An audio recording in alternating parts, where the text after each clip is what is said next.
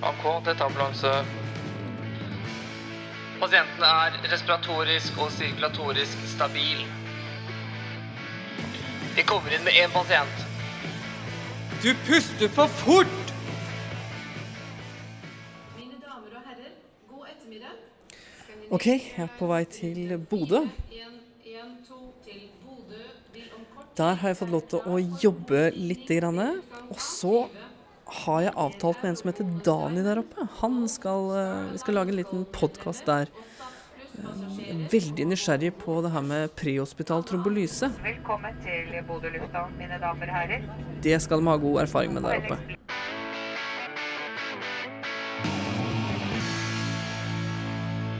Hjertelig velkommen til en ny episode av Du puster for fort. I dag har jeg blitt invitert til Bodø, faktisk. Her har jeg fått lov til å komme. Jeg skal få lov til å jobbe litt, jeg skal få lov til å hospitere. Og jeg skal få høre litt om tjenesten deres og hva de har å tilby. Jeg sitter på, på andre bordet ved siden av meg, så sitter Dani Karlsen. Hjertelig velkommen. Takk for det. Og tusen takk for at jeg får lov til å komme hit. Bare hyggelig. Glad for å ha deg her. Du er eh, ambulansearbeider og sykepleier her i Bodø. Stemmer det. Ja. Lang fartstid. Starta i 2004, så det begynner å, å flasse til. Ja. Ja. Og holdt deg her i byen, eller? Ja, hovedsetet har vært her i Bodø, samtidig som jeg har vært og jobba litt ekstra rundt i distriktet. da. Jeg tenkte når, vi, når du er her, så må vi jo eh, snakke litt om tjenesten deres. Mhm. Dere er jo en uh, bytjeneste her inne, Stemmer det. men har også distriktene. Ja. I Bodø så er det to biler. Ja, dag? I sentrum så har vi to døgnbiler som er bemanna. I tillegg så har vi en døgnbil på Tverlandet som er to mil utafor sentrum, som en bydelsambulanse. Mm. Ja. Da er vi i Nordlandssykehuset. Ja. Stemmer det. Ja. Området vårt det strekker seg jo fra Vesterålen i nord og så ned til grensa Helgeland. Så vi har jo Lofoten imellom og Hamarøy og ganske stort geografisk område. Og bilambulanser, båtambulanser Ja. og uh, helikoptre og Sea King annet, som står her i Bodø. Ja, vi har Sea King i Bodø, og så har vi redningshel... altså Norsk Luftambulanse på Evenes. Eh, typiske oppdrag eh, her oppe, da? Ja, jeg tror nok ikke det er noe mer typiske oppdrag her enn i resten av Norge. Det er det jo ikke. Eh, vi har jo mye sykdom, enkelte skader. Eh, det som er vår største utfordring, det er jo geografi og ressurstilgang. Det er jo kanskje det som er mest annerledes her oppe. Mm. Mm. Um, mange tenker jo kanskje på det området her som eh, et sånt sesongbetont uh, område med mye turister, kanskje om sommer, vinter, randonee om Ja. vinteren. Det Uh, mange som feirer fjellet og mye flott natur her oppe. stemmer nok bra, det. Eh, man får testa språkkunnskapene i løpet av eh, sesongene, det gjør man. Ja. Absolutt. Så det er noe dere merker. Ja. Eh, det vi merker mest her, da, det er jo at helikoptrene ofte er ute og henter. På sommerstid så er det jo fotturister og klatrere i fjellet, og på vinteren, så du sier, randonee og skikjørere. Det merker vi nok som sesongskader, da. Mm. Um, men bortsett fra det, så vil jeg tro at vi er ikke noe annerledes enn resten av Norge. Det tror jeg ikke. Ehm, jeg spurte deg, jeg tok med mikrofonen opp hit, og så spurte jeg deg eh, Du, Dani, hva skal vi prate om? Eh, hva har du lyst til å prate om eh, på, på podkasten? Mhm. Og da nevnte du at um, prehospital trombolyse på, på hjerteinfarkt, Mhm. det var ditt hjertebarn. Ja, det er noe som har eh, interessert meg, og, og som jeg har engasjert meg mye i. Eh, det er jo en viktig behandling. Eh, her er langt til nærmeste PCI-senter, og, og det vi vet i dag, er jo at koronarsykdom er en alvorlig sykdom som i verste fall kan medføre død. Så der er det viktig at vi er tidlig ute og benytter oss av det vi har muligheten til. Du sier at det er langt til eh, PCI-senter. Mm. Når vi sitter her i Bodø, da, hva, er nærmeste PCI-senter? Ja, nærmeste PCI-senter det blir i Tromsø, da. Eh, og med ambulansefly så snakker vi ca. 50 minutter flytid. Så fra symptomdebut til eh, pasienten kan ligge på, på bordet, hvis alt går smack, smack, Ja, hvor lang tid optimalt. Ja, optimalt, ja. Ja, det kommer jo litt an på, men eh, ambulansen vil jo komme fram til pasient, starte monobehandling, forhåpentligvis prehospital trombolyse, og i optimale tilfeller så leverer vi direkte på ambulansefly. Så da kan vi snakke imellom 1 12 til 2 timer fra symptomdebut til operasjon. Mm. Men det er sjeldenheter. Det er gullstandarden. Men eh, Jeg håper du har noen gode historier etterpå. ja. Noen eh, gode historier om uh, der hvor du nettopp har brukt prehospital trombolyse. Ja. Uh, men jeg tenkte vi kunne prate litt grann først om hva prehospital trombolyse er for noe. Dere kaller det PHT. Mm. Vi forkorter det PHT. Prehospital trombolyse er en medikamentpakke som vi gir ved mistanke om hjerteinfarkt. Eh, indikasjon for det er jo vestelevasjon eller nyoppstått venstresidig grenblokk og klinikk. Prehospital trombolyse er delt i, i flere komponenter. På ene sida så ønsker vi å stoppe denne eh, koagulasjonstendensen både med blodplater og koagulasjon. Og så gir vi da selve metalysen som løser opp eh, fibrintrådene som har armert denne blodproppen. Sånn at vi forhåpentligvis oppnår eh, koronar reperfusjon. Mm. Mm. Og du sier dette er indikasjoner med STEMI og venstresidig grenblokk. Ja. STEMI forstår jeg veldig godt, men eh, venstresidig grenblokk, hvorfor det? Ja, venstresidig grenblokk eh, i nyoppstått form er som oftest patologisk betinga. Um, den er skummel fordi at på et EKG så maskerer man da de her ST-elevasjonene som man normalt sett kan se. Og pga. at den er såpass patologisk betinga, så i samsvar med klinikk, så har man valgt å si at det er indikasjon. Mm. Skal vi gå litt gjennom det? Nå har vi, vært, eh, en, eh, nå har vi hatt forrige pod, en podkast om akutt koronarsyndrom, der vi har gått gjennom Mona, og vi var så vidt innom um, prehospital trombolyse. Ja. Eh, vi går ikke noe særlig gjennom Mona nå, da kan du heller gå tilbake og høre på podkasten med Bjørn Benz. Men eh, trombolysen, da. ja.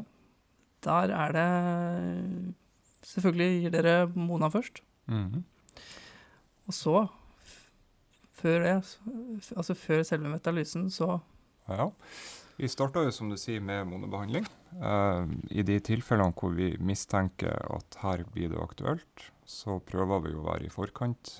Eh, vi ønsker å ha to grove venekanyler på pasient. Eh, vi sender inn EKG så fort som mulig hvis vi ikke er på et legekontor eller har lege til stede. Og så starter vi da med ei sjekkliste hvor vi går gjennom kontraindikasjonene på eh, trombolysen. Den første kontraindikasjonen vår er alder over 80 år. Men der er det jo verdt å nevne at i de tilfellene vi er hos folk som fungerer godt og bor hjemme og tilsynelatende har et godt og funksjonelt liv over 80 år, så bruker vi som oftest og i samråd med legene også gi på de òg. Og samtidig så er vi jo flinke å opplyse pasienten om de mulige eh, bieffektene av dette. Eh, når det er gjort, så trekker vi opp medikamentene. Eh, vi skiller mellom 75 år, pasienter over og under 75 år på dosering. Men eh, grovt sett så trekker vi opp eh, Klexane til intravenøs bruk. Vi trekker opp og blander ut metalysen. Det er jo en viktig del av det at selve metalysen er tørrstoff som skal blandes ut. Eh, Og Der er det viktig at man ikke rister sånn at man får skumdannelse. Det skal vendes forsiktig, og det er en litt sånn møysommelig prosess. Og Det er jo for å sørge for at man har rett konsentrasjon av virkestoff når man er ferdig. Så er det jo eh, vektangivelse på sprøyta. Trekke opp til rett vekt. Og så trekker vi opp eh, kleksane til subkutan bruk etterpå. Og så finner vi Plavix, som også gis. Mm. Og så snart vi har go, så er det egentlig bare å sette i gang. Time is muscle. Time, time is muscle. Ja. Jeg har vært gjennom uh, den um, testen for å komme gjennom delegeringstesten deres her, og der er det veldig klart på time is muscle. Samme Mm. som uh, door to needle time som du måler inn på sykehuset, da. Ja. Em, du har snakka litt grann om medikamentene. Mm. Der er det Plavix mm. og Kleksane. Klexane Mhm. og selve metalysen. Mm. Plavix, den kjenner kanskje de fleste. Ja. Ja. Men så Plavix er noe som hemmer blodplatene til å klebe seg, stemmer ikke det? Ja, det Ja. setter i hvert fall ned evnen til å, Ja. å klebre seg. Kleksane er et medikament som eh, er med på å hemme den siste delen av hemostasen, som er koagulasjon. Eh, det hemmer en spesifikk koagulasjonsfaktor, og dermed så oppnår man eh, en ønska effekt av det. Mm. Etalysen eh, brukes jo til å bryte ned disse fibrintrådene som armerer tromben. Eh, dette er jo det som løser opp selve infarktet, som gir denne plumbo-effekten som man snakker om. Mm. Eh, og dette er jo noe av det samme som mye på, på hjerneslag, er det ikke det? Ja, man har jo brukt litt ulike medikamenter på det, men man gir jo samme type medikamenter, ja. Mm. Metalyse er jo kjekt, og det har jo vært et prøveprosjekt her i Bodø på å bruke det, for at det er en bolusdose. Eh, andre typer krever ofte flere doser eller administrering via sprøytepumpe, Mm. mens metalyse gjør man i en smell, og er sånn sett veldig egnet, i hvert fall prehospitalt, Mm. til å behandle denne type tilstand. Det er brukt i, i veldig, veldig mange år, eh, metalyse. Ja. Du syns jeg leste en artikkel ja, om det var brukt første gang på 50-tallet, eller ja, rundt 50-tallet. Nå har vi en pasient da, med, som tilfredsstiller eh, indikasjonene, som vi kommer til å gå gjennom etterpå. Ja. Eh, ST-elevasjonsinfarkt eller en venstre, nyoppstått venstre grenbak. Stemmer det. Hvordan administrerer du medikamentene da, som skal brukes? Ja. Hvis vi har en pasient som er under 75 år, så starter vi da med intravenøs kleksane. 30 mg som settes via treveiskran og skylles etter med natriumkloridinfusjon. Når det er gjort, så leter vi fram selve metalysen. Og der er det ønskelig å sagt at man skal sette i et litt hardt fast støt, at du får eh, samla virkestoff inn i en kraftig bolus. da. Så skyller vi etter på nytt igjen, og så leter vi fram eh, kleksane til subkutan bruk. Den ønsker vi jo da å sette eh, fortrinnsvis i mageskinnet og dypt subkutant. Og hvis ikke allerede gjort, så følger vi opp da med Plavix 300 mg eller fire tabletter. Det var til de under 75 år. Ja. Til de som er over 75 år, så gir vi ikke den intravenøse initiale dosen med Klexane. Eh, vi gir eh, metalyse på samme måten, og så gir vi en noe nedjustert dose subkutan kleksane etterpå. Eh, og så har vi bare 75 mg Plavix Mm. til de. Og hvorfor får ikke de samme tilbudet? Ja, det er jo et godt spørsmål, men eh, det er jo nylig justert, og, og det er vel pga. risikoen for økt blødningstendens eller bivirkninger hos eldre. Mm. Um, da var vi egentlig gjennom uh, indikasjonene. Det snakka vi egentlig om. Mm. Kontraindeksjonene er eh, mange. Ja, vi opererer med elleve kontraindikasjoner. Skal vi gå gjennom dem? Ja, du har dem nå foran deg. Ja. vi kan, Eh, vi har alder over 80 år. Det er jo litt diskutabelt, som sagt. Og der tenker jeg at ambulansearbeiderne har en særskilt rolle å videreformidle hos de pasientene som man antar har bedre effekt av behandlinga enn risikoen Mm. for det. da snakker vi om funksjonsnivå Ja. tilstand, Ja. altså medisinbruk. Tidligere sykdom, funksjonsnivå, eh, familie. Ja, ting som gjør at eh, den risikoen som man tenker på i sånn behandling, er mindre enn gevinsten. Ja. Så har vi stikkskade med blødning som ikke kontrolleres med kompresjon. Vi har alvorlige skader, nylig hodeskade eller operasjon de siste tre ukene. Vi har alle typer tidligere hjerneblødning eller slag, tida eller drypp siste seks måneder. Kjent hjernesvulst eller annen aktiv kreftsykdom. Vi har pågående eller ikke behandlet magesår eller blødning fra mage-tarm siste fire uker. Kjent blødningsforstyrrelse eller pågående marihuanbehandling. Der er det også sånn at har man en fersk INR, relativt fersk INR, så kan man konsultere lege og eventuelt gi på tross av marihuana. Og så har vi vedvarende systolisk blodtrykk over 180. Der er indikasjon òg for Celoken. Hvis vi ser det at vi ikke får ned blodtrykket, så konsulterer vi ANK-lege og vurderer Celoken da. Og så har vi graviditet eller mindre enn én uke etter fødsel, langkommen leversykdom og mistanke om aortadisseksjon. Og det, alle dette er jo blødningsrisikoer. Ja, Det er jo det. Og spesielt i forhold til aortadisseksjon så kan man jo se at mye av symptombildet kan være likt. Så Mm. der er det veldig greit at vi gjør en, en ordentlig jobb. Mm. Mm. Hva kreves av ambulansearbeiderne? Ja. Og i forhold til kunnskap og kliniske ferdigheter for å administrere trombolysen? ja, i utgangspunktet så må man jo først kan identifisere og mistenke koronarsykdom.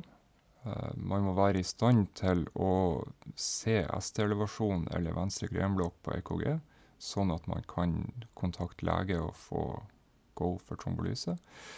Og så må man jo da ha en praktisk kunnskap i det å trekke opp og administrere medikamentene. Men i utgangspunktet så er det en veldig enkel prosedyre isolert sett. Samtidig så tror jeg mange syns det er litt skummelt, for det at det er en relativt avansert prosedyre som kan ha potensielt alvorlige bivirkninger. Mm. Eh, og så har dere opplæring opplæring -hmm. og utsjekk. Man må eh, Alle får eh, prøve med, med prøvesett og blande ut, for det er jo, som jeg sa tidligere, litt spesielt dette med spesielt metalysen når man skal blande den ut, at man ikke får skumdannelse. Man ønsker jo ikke å sette to behandlinger hvis den første ikke var tilfredsstillende. Da har man plutselig ikke helt kontroll på. Så det er viktig at det gjøres ordentlig og rolig ved første administrasjon, sånn at det blir rett.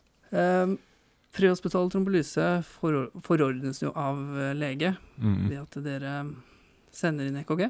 Ja. Eh, Hva, er det noe mer som kreves av sykehuset, eller eh, annen telemedisin? Eh, I utgangspunktet så eh, er det nok at vi har en lege som kan konstatere eller bekrefte at vi har indikasjon i form av EKG. Eh, Ellers så har vi en prosedyre som fanger opp både indikasjon og kontraindikasjon. Eh, Det som er spesielt viktig, og også i vårt område, det er jo at man tenker langsiktig og videre kan man allerede mens pasienten behandles, kontakte ambulansefly eller koordinere transport videre til PCI-senter. Og der er jo telemedisin noe som vi kanskje er i startgropa til å bruke mer aktivt. Eh, Jeg tror det er et veldig godt tilbud, men per i dag så, så er ikke vi kommet helt i gang med det, da. Jeg snakket med kollegaer der, dere har også kjøpt inn ultralydapparat. Jeg vet ikke om vi skal prate høyt om det, men Ja, stemmer det. Stemmer det. det er vel også eh, til et sånn type bruk, da. Ja, jeg tror primært så er det jo tiltenkt ved traume eller mistanke om blødninger for å kjøre en extended fast. Eh, men hvem vet, på sikt kanskje man kommer dit òg. Og du sier at eh, Eller vi snakka om at uh, trombolysen den forordnes av lege. Er det legen på sykehuset, er det luftambulanselegen, eller kan det være også en legevaktlege på, et, på en Alle- legevakt? Alle tre kan i utgangspunktet forordne det. Um, I de tilfellene hvor vi ikke har lege tilgjengelig, så vil det jo være aktuelt å overføre EKG. Og da er det jo medisinsk vakt på sykehuset som ser på det. Mm. Um, men jeg har vært med og gitt på legevakt, jeg har vært med og gitt på legekontor, og vært med og brukt i samsvar med helikopterlaget som har kommet ut. Mm. Mm. Og så får man en uh, vellykka perfusjon, da. Ja. Reparfusjon. Kan føre til litt arytmier og sånn. ja da, det kan det. Eh, vi snakker jo ofte om de her reperfusjonsarytmiene som kan oppstå.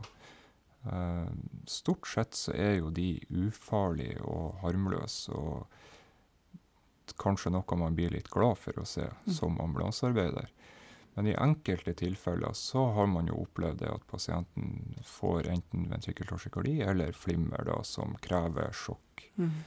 Eh, og er man litt proaktiv og litt i forkant, så kan man få avlevert et støt kjapt, og så ser man det at pasienten sitter og snakker rett etterpå. Mm. Så eh, det er jo både skummelt, men også litt artig da, for oss ambulansearbeidere når det går så bra. Mm. Og eh, det har jo en stor effekt. Jeg leste en artikkel om at eh, 40% av tilfellene så får du åpning. Ja. Og det er ganske, ganske høyt tall. Ja. Og Eh, selv om man ikke får eh, fullstendig reperfusjon i alle tilfellene, så kan det jo være at man får forbi lite grann, sånn at man berger muskel til at PCI kan bli gjennomført. mm. Mm. Og da må jeg nesten spørre deg, reperfusjonsarytmier, Ja. hvorfor får man det? ja, det er et godt spørsmål. Det er, det er klart at eh, den delen av hjertemuskelen som har lidd av oksygenmangel, er jo irritert. Cellene er irritert. Og når man da får tilbake oksygenrikt blod, så kan dette føre til et signalkaos i form av reperfusjonsarytmier. Mm. Så vet vi jo det at i hjertemuskelen så leder alle cellene de her depolariseringene, sånn at får du først et senter, så forplanter det seg videre. Mm. Har dere type noen medikamenter som kan um, hjelpe til å hindre f.eks. ventrikkeltasjekardi eh, Eller som dere kan bruke da ved, ved reperfusjonsarytmier? Ja, vi har ingen prosedyre på medikamentbruk ved reperfusjon. Det har vi ikke. Som regel så ser man at det kommer noen vesser, enten i enkelt form eller i kobler. Um, og så kan de like fort forsvinne som de kom. Mm. Um, noen ganger så kan man få en bradykardi. Uh, det er jo en relativt ufarlig tilstand så lenge ikke pasienten blir sirkulatorisk påvirka. Men uh, det er ikke noe som vi behandler prehospitalt til vanlig, i hvert Mm. fall. Det er det ikke. Det vi bruker mest, det er jo celloken i forhold til det med høyt blodtrykk, eller at vi har en, en tachykardi som er uønska på Mm. et hjerte. Mm. Mm. Så kommer vi da til erfaringa. Dette er jo den delen jeg gleder meg aller mest til. Ja. Du har vært med på denne prosedyren her opptil flere ganger. Mm. Har du, har du skrevet det ned, eller? er det- Ja, jeg begynte faktisk med å, eh, å ha eh, styr på de, men eh, det har faktisk blitt så mange at jeg har mista oversikten. Ja. Det har det. Og sånn oss imellom er det litt konkurranse på, på jobb, hvem som har flest Ja, det er jo det. Absolutt. Ja, men det er jo en veldig artig prosedyre. Ja. Um, det er ikke så veldig lenge siden da fikk vi et akutt oppdrag til brystsmerter. Og vi finner en relativt ung og funksjonsfrisk mann som har klart eh, hjerteinfarkt. Vi eh, får monobehandla, vi får gitt trombolyse, oppnår reperfusjon.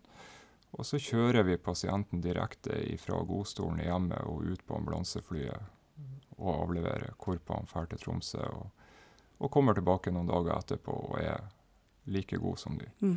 Og det er klart, det er utrolig artig for oss som ambulansearbeidere å være med på. Mm. Eh, og det er, jo, det er jo ganske stort, for vi har jo på en måte flytta sykehuset ut til pasienten.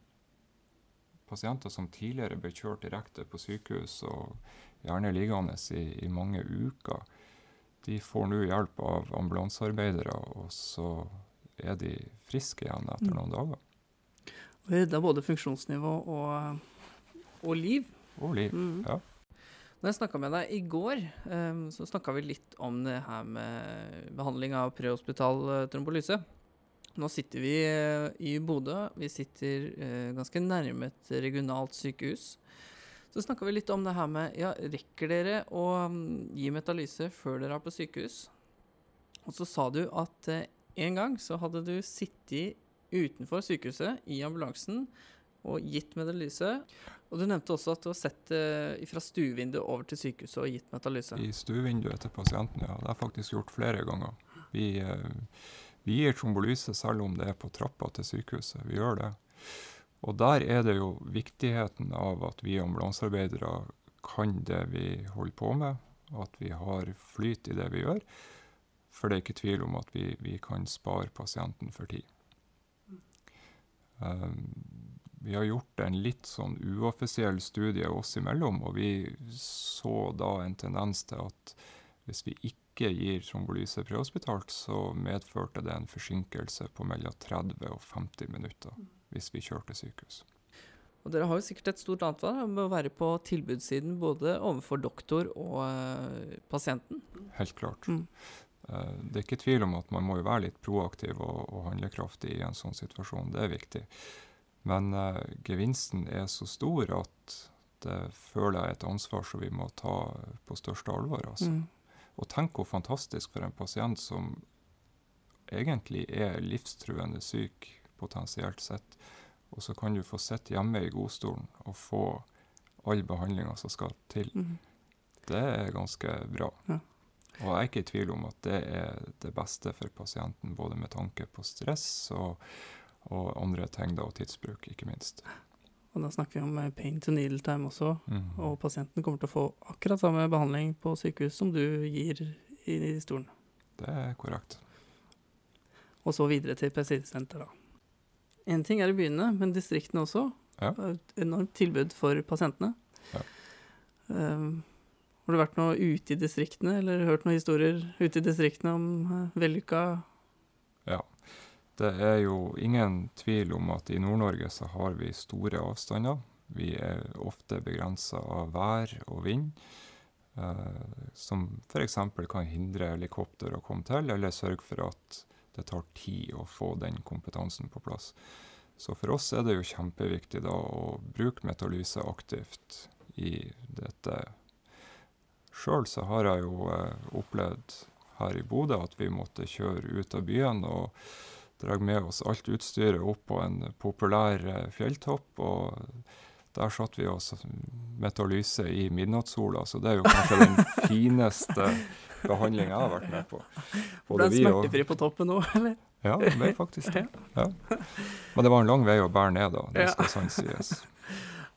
Litt av utfordringene her oppe sikkert, altså med Ja, det er det. det vi, vi har store avstander, og vi er ofte begrensa med spesielt vinterstid og dårlig vær, og Mm. kanskje samtidighetskonflikter på luftressursene mm. spesielt. Hva med hjertestanser? Ja. Eh, la oss si at du får en pasient du veit har hatt vondt i brystet. Mm. Er det aktuelt å gi det på hjertestans? Ja da. Eh, Vi har ved flere anledninger gitt metalyse på hjertestans, men der blir det ofte anestesilege som er ute, som tar den avgjørelsen. Mm. Det er litt utafor vår vanlige indikasjon. Men helt klart så vet vi jo at oftest årsak til prehospital hjertestans er koronasykdom. Mm. Så, og når man får ei historie om at det har starta med brystsmerter, så forsøker man å gi det ved rosk. Mm. Blødningsfare etter. Eh, gir det trombolyse på da STEMI etter en vellykka rosk? Ja, det er jo, det er jo opp til, til legene å, å gjøre, men jeg har opplevd at det har blitt gjort. Og spesielt i de tilfellene hvor at som regel da bruker man ultralyd og ser at her er det infarkt og nedsatt ventrikkelkontraktilitet. Eh, og da har det vært gjort. Mm. Så, eh, men det er klart man må jo vurdere opp imot, men hvis ikke pasienten har hatt noe fall eller traume i forbindelse med hjertestansen, så, og så må man jo se nok en gang gevinst opp imot risiko. Har du et hjerte som så vidt slår, så er det kanskje verdt å gjøre det forsøket. Mm. på tross av at det kan være en viss blødningsrisiko. Mm. Mm. Nå skal jeg være vikar her oppe hos dere noen dager. Jeg har fått lov til det. Ja. Jeg føler meg veldig mm, Så håper jeg da for at eh, hvis det skulle være sånn at noen dessverre skulle fått et, fått et hjerteinfarkt, at jeg får lov til å være med på denne prosedyren her og se Ja, hvordan det det fungerer. Det tror jeg på.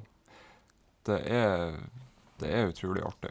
Og eh, jeg har jo vært med mange ganger på nedreveksinfarkt hvor pasienten har fått såkalt høyre ventrikkelaffeksjon, hvor at eh, når du gir nitro eller morfin, så får du ganske store blodtrykksfall, og du må gi væskestøter for å kan gi en ny dose. Mm. Og det er klart at uh, hvis du da følger opp med vellykka trombolysebehandling, så er det artig å være ambulansearbeider. Mm. Det er jo det vi er her for. Det er jo å få lov å behandle pasienter, og ikke minst se effekten av vårt arbeid. Mm. Og det er ganske stort å få være med på. Men det krever mye av en eh, ambulansarbeider. og Det gjør det, og, og det er jo absolutt eh, med stor respekt og av og til eh, litt frykt at man gjør det, men nok en gang, jeg tror at kunnskap gir trygghet, og, og kunnskap gir god behandling. Så er vi flinke og tar vår rolle seriøst, så eh, kan vi virkelig være med og, og utgjøre en forskjell. Jeg tror det blir siste ord i det vi har pratet om nå, prehospital trombolyse. Ja. Men jeg pleier alltid å spørre på podkastene hva man syns uh, gjør en ambulansearbeider god. Mm. Dani, hva syns du gjør en ambulansearbeider god? I Ja, din, hva gjør en ambulansearbeider god i dine øyne? Det er et godt spørsmål. Jeg tror at eh, for å være en god ambulansearbeider, så må man for det første være interessert i faget. Vi har jo et veldig vidt felt vi skal kunne, og det krever interesse. Og så tror jeg at man må være god til kommunikasjon. Det er jo en viktig del av jobben vår fra vaktrom til pasient. Og så må man være litt smidig og ha evnen til å improvisere. For det er sjelden ting blir sånn som man har trodd at det skulle bli. Så det tror jeg at man må være litt uh, tilpasningsdyktig og handlekraftig. Og du ser jo mange av dem også. Du er også fagprøvesensor. Ja. Ja. Jobba mange år. Ja. Og det er jo uh, absolutt uh, en artig rolle å få være med på. Og få være med og, og gi nye ambulansearbeidere til tjenester. Mm. Absolutt. Du, Dani, tusen takk for at eh, jeg fikk lov til å prate med deg. Og tusen takk for at jeg fikk lov til å komme hit eh, og eh, hospitere litt hos dere. Og få lov til å være litt grann vikar hos dere. Ja, sjøl takk, og hyggelig å ha deg her.